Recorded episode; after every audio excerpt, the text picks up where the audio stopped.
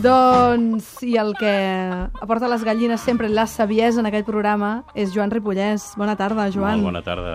En manera curta has vingut, eh, ja? Sí. Ens hem vist Quan- en, en altres moments. Quant de temps sense escoltar aquestes gallines estimades? Ah, i tant que sí. Doncs escolta, avui volem parlar de revolució, d'amor a la revolució, perquè ja sabeu, aquesta secció es diu Enamorats de l'amor, nosaltres ho estem moltíssim, i, i avui, com t'ho faràs venir bé, això, a veure? No, som enamorats de la revolució perquè justament avui es commemora la crucifixió de Jesucrist, els cristians, els catòlics, en aquí sobretot, uh -huh. commemoren aquesta crucifixió i quantes vegades hem escoltat aquesta, aquesta frase de Jesucrist és el primer comunista, el primer revolucionari, el primer hippie.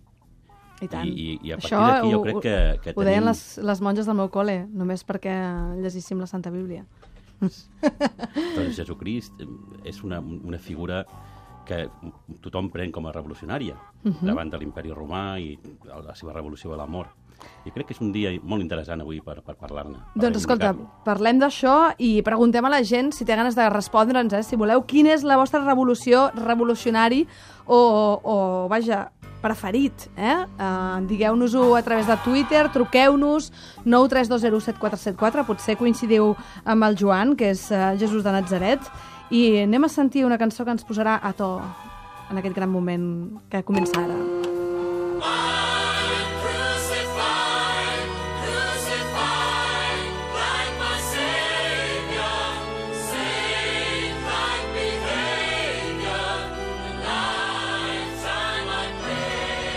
Segons el Joan Ripollès, que és un home de fiar, diu que sí, que Jesús va ser un, veri un revolucionari, però va ser un veritable revolucionari? És que aquí hi ha controvèrsia. Ai! Hi ha controvèrsia, perquè hi ha historiadors que han arribat a la conclusió que el veritable revolucionari dels evangelis no és Jesucrist, Qui és? Judas Iscariot. Què m'estàs dient? Sí, sí, sí. Judas Iscariot. Iscariot diuen que podria, podria provenir d'una paraula que alguns identifiquen amb sicari, d'altres amb, amb el braç armat de la, el que era la resistència jueva davant dels romans. No faré bromes. No, no, no, no. Jo no les faria ara, eh? No les farem. Vas bé, deixa'l. No deixa'l. farem perquè, vull dir, ens poden tancar a la presó, com la noia del Twitter. Clar, sobre Judas Iscariot. Judas Iscariot. poc. Aleshores, aquest personatge, que ha passat a la història com el gran traïdor, no? el que va trair per 30 monedes a Jesucrist, hi ha qui diu que no, que realment era un revolucionari, era, pertanyia a aquests sicaris que feien en la lluita armada contra eh, l'ocupació romana i que hi va haver una, diguem, un enfrontament entre el, la banda pacifista de Jesucrist, bueno, de, abans de ser Crist, de Jesús, uh -huh. i la banda més armada de, de, de Judas. De fet, hi ha, hi ha uns, uns evangelis apòcrifs trobats fa uns 30 anys que es diuen els evangelis de Judas, que expliquen una mica aquesta història, o alguna de les versions d'aquesta història. Tu t'ho has llegit, això? Jo no he tingut temps. Estic molt ocupat amb les meves gallines, com pots comprendre. Clar, ja m'imagino. I no, no, no, no he pogut. Ja, però, ja, de tota manera, la Bíblia, el poder de la Bíblia és molt fort, és molt potent, i com va dir algun publicista ja fa molts anys, la primera gran marca de la història és la creu. Clar. Que- que perdura ni Coca-Cola ni res, la creu. Sí, sí, i aleshores ens podríem preguntar, però realment la creu, aquesta creu, que és la marca, diguem, de la, del, del cristianisme, és efectivament una marca lligada directament a Jesucrist? Va ser ell el primer que, que va estar lligat a aquesta creu? Home, diuen que no, no? Diuen que era una manera habitual de, de, mm, vaja, de castigar els presos, no? De, Sí. de matar-los, no? I potser hi va haver molta gent que va ser crucificada abans que Jesucrist. I tant. Ai, dubtes que tenim avui filosòfics i de tot tipus, eh? 932017474 si teniu ganes d'explicar-nos el vostre revolucionari preferit. Nosaltres anem a parlar d'altres revolucions. La revolució dels gladiadors, ara, eh? Continua? Sí, podríem escoltar... Sí, sí. Anem a sentir una mica el gladiador per antonomàcia, no? Podríem dir. Traigo un mensaje de vuestro vencedor y dueño, pero solo os libraréis del terrible castigo de la crucifixión con una condición indispensable, que identifiquéis el cadáver o la persona, caso de que aún viva, del esclavo llamado Espartaco. Yo, yo soy Espartaco. Yo soy Espartaco. Yo soy Espartaco.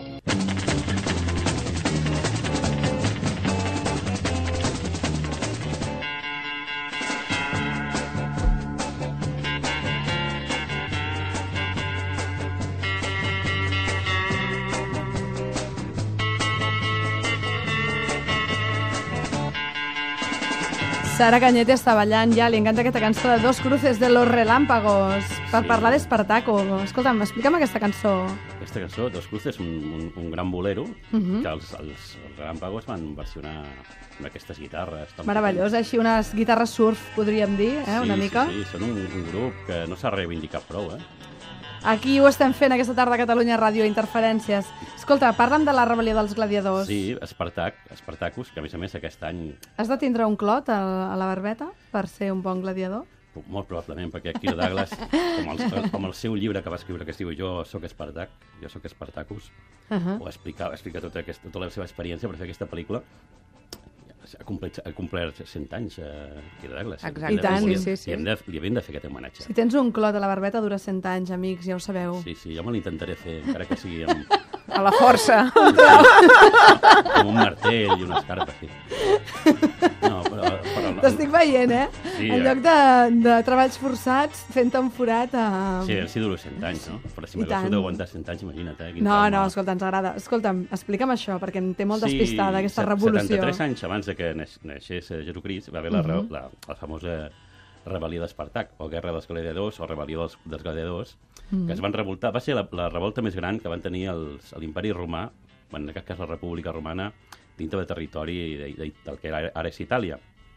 I quan, quan van aconseguir derrotar-los, els, els hi van eh, anar preguntant qui era Espartac entre tots els, entre tots els, els, els gladiadors revoltats, tots els esclaus, i ningú ho deia, i de fet, com han vist aquí, doncs hi havia aquesta tendència a dir jo sóc Espartac, perquè diguem, sacrifiquessin a qualsevol.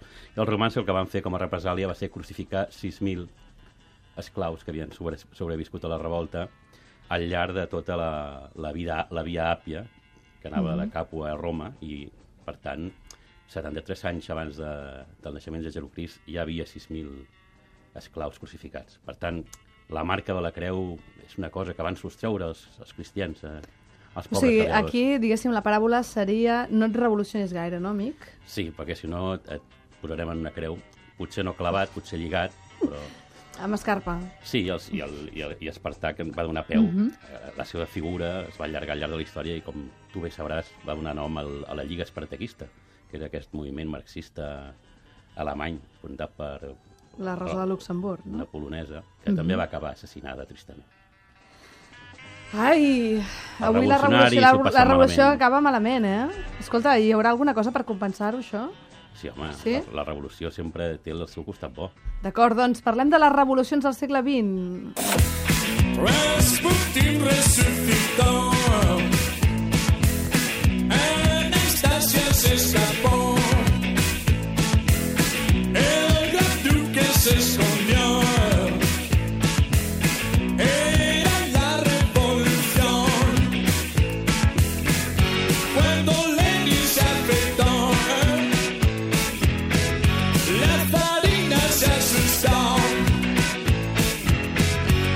veure, revolució, Orquestra Mondragón, com es, què està passant aquí, Sol doctor Corbella, fiesta, que diria aquell? Va ser un tema que van treure als anys 80, l'Orquestra Mhm. Mondragón, parlant de la revolució russa, dient que només era una festa. Però Rasputin era un tio molt especial, eh? Sí, previ a la revolució, sí que el van intentar matar de diverses vegades, van morir de diverses vegades, va Però ressuscitar. diuen que encara està viu, no? Que està ressuscitant Bueno, com a mínim ad tenen, en, un, en un pot en formol tenen una part del seu cos bastant Ah, un membre. superlativa. Sí, sí, sí. sí, sí, es veu que el senyor gastava, gastava clar. Um, sí. I, de fet, el segle XX va ser un segle ple d'enamorats de la revolució, com nosaltres. Eh? sí. El 1910 tenim eh, la Revolució Mexicana, que és la primera revolució gairebé en directe, eh, que es podia veure en directe als cinemes, perquè gravaven les pel·lícules de, dels, de, de les revoltes, les projectaven, havia lluites i trets dintre dels cinemes, una cosa molt, molt animada. I la gent eh, les anava a veure i les... eh, Sí, o a, Me a Mèxic, clar, anaven, les, les projectaven i, clar, hi havia Ahà. partidaris d'un general, de l'altre, i allà doncs, acabaven a trets, una cosa bastant... Ah, o sigui, també dintre de la sala del Sí, cine. sí, sí, sí. Això no ho coneixia jo. Clar, diuen que la guerra del Golf, bueno, la de Vietnam va ser pràcticament la primera televisada, però la, la Revolució Mexicana la primera cinematografiada, Déu-n'hi-do. gairebé en directe. També revolucions com la de, la de Rússia, La no? russa, sí, aquesta, 1917. Després, eh, la, la revolució del 36, bastant amb bastants lligams, diguem, anarquistes, no? Els anarquistes catalans, andalusos, asturians. El 49, la revolució xinesa, vull dir que ha hagut, va haver un munt de revolucions, va haver molta... Després la revolució hippie i altres tipus de revolucions. Va ser un, un segle mm, ple de revolucions el que jo no tinc molt clar és si aquestes revolucions realment han perdurat o no. Tu creus que han perdurat, que ens queda alguna cosa revolucionària de tot allò? Mm, passem pàgina?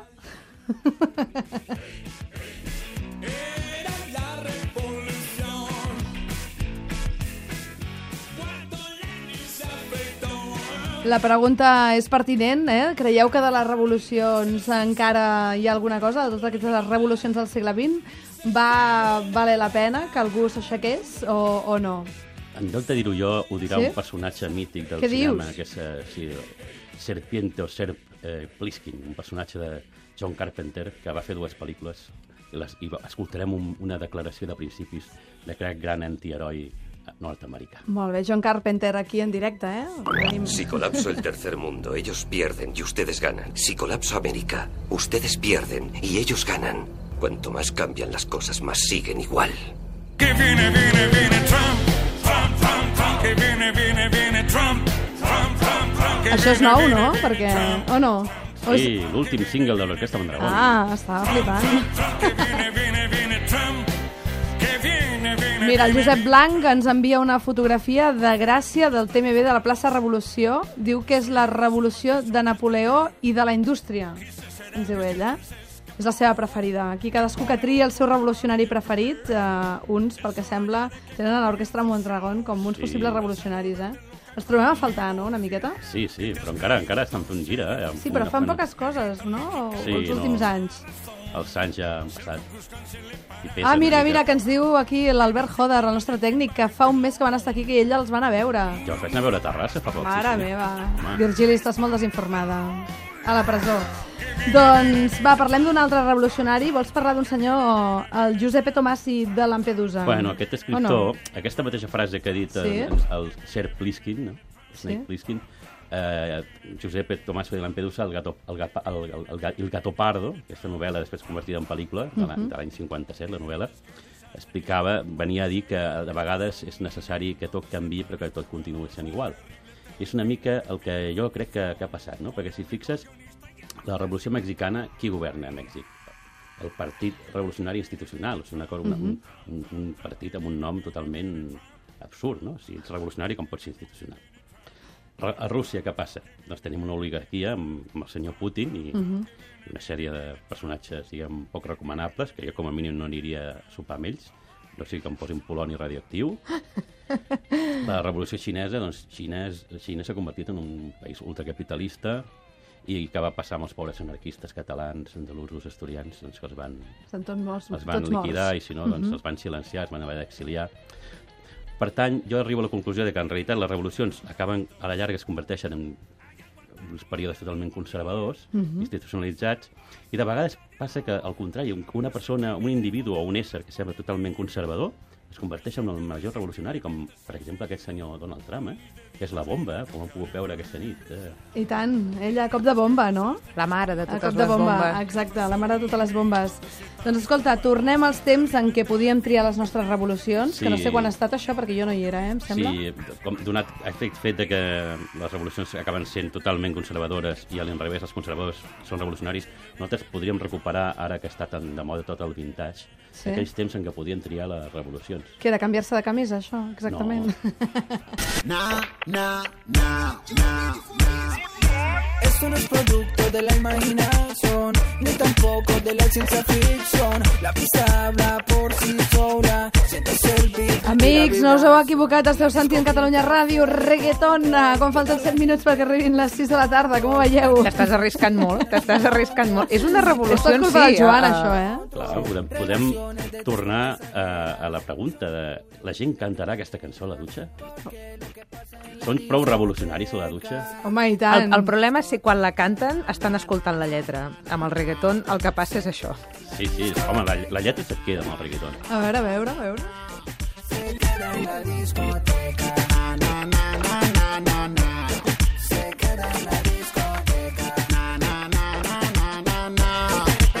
Algú que no sé si ens vol explicar amb quina cançó, quina cançó dutx, es dutxa, vol parlar de revolucions, és l'Agustí.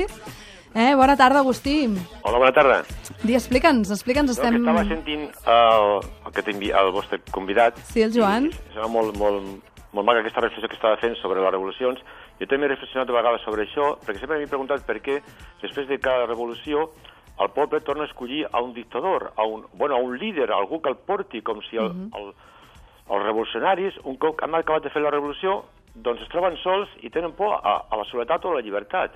Sempre necessitem una mama, no?, pel que sembla, un papa o el que sigui, o, no? O, o un Fidel Castro, en el sentit que sigui, tant és comunista com si és... Totes les relacions han, acabat fracassant i el poble escolleix a una persona que després es torna, um, bueno, pues, o bé una dictadura o el que sigui, no? No, no vull jutjar, no?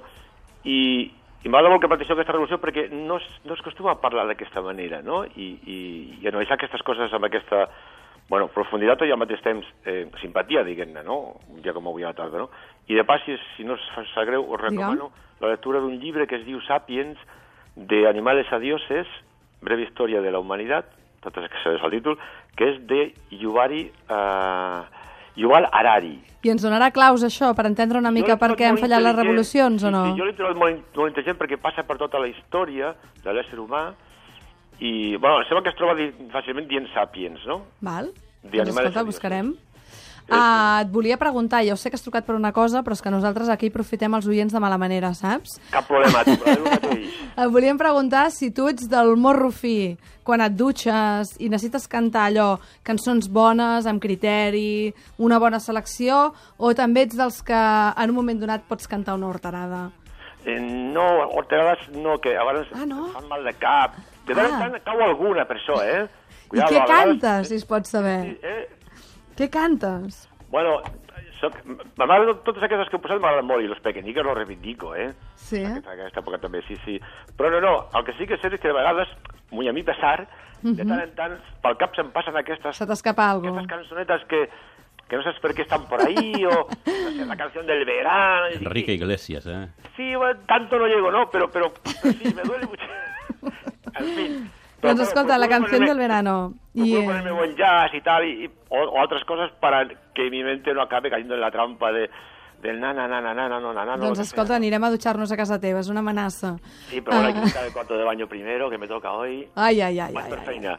No si veniu tots. Escolta, molt bé, Agustí, gràcies. moltíssimes Moltes gràcies per trucar. Eh? Ha sigut molt interessant. Moltes gràcies. Continuem Adéu, aquí amb el Joan Ripollès, aquest cercle viciós. Sí, la, a la conclusió que arribem és que, com a mínim, si anem al vintage o analògic, podem recuperar els nostres vinils i Oh. podem triar, com a mínim, les 33 revolucions, les 45 revolucions. Quina preferíeu vosaltres? La, el vertigen Jo, del single o... Perquè m'en- m'encanta el número 33. I perquè, més, has d'apretar un botonet. I això que hagis d'apretar un botonet sempre m'agrada. Sí, tu el, el long play, no? El long play, l'LP, no? Sí. La, la No tranquil·litat, sé. aquella pausa, les 33 revolucions per No minut. sé, mira, som així. Som així. Jo era més de maxi single, 45 revolucions per minut, però amb, amb disc gran. Amb disc gran. El maxi single, sí.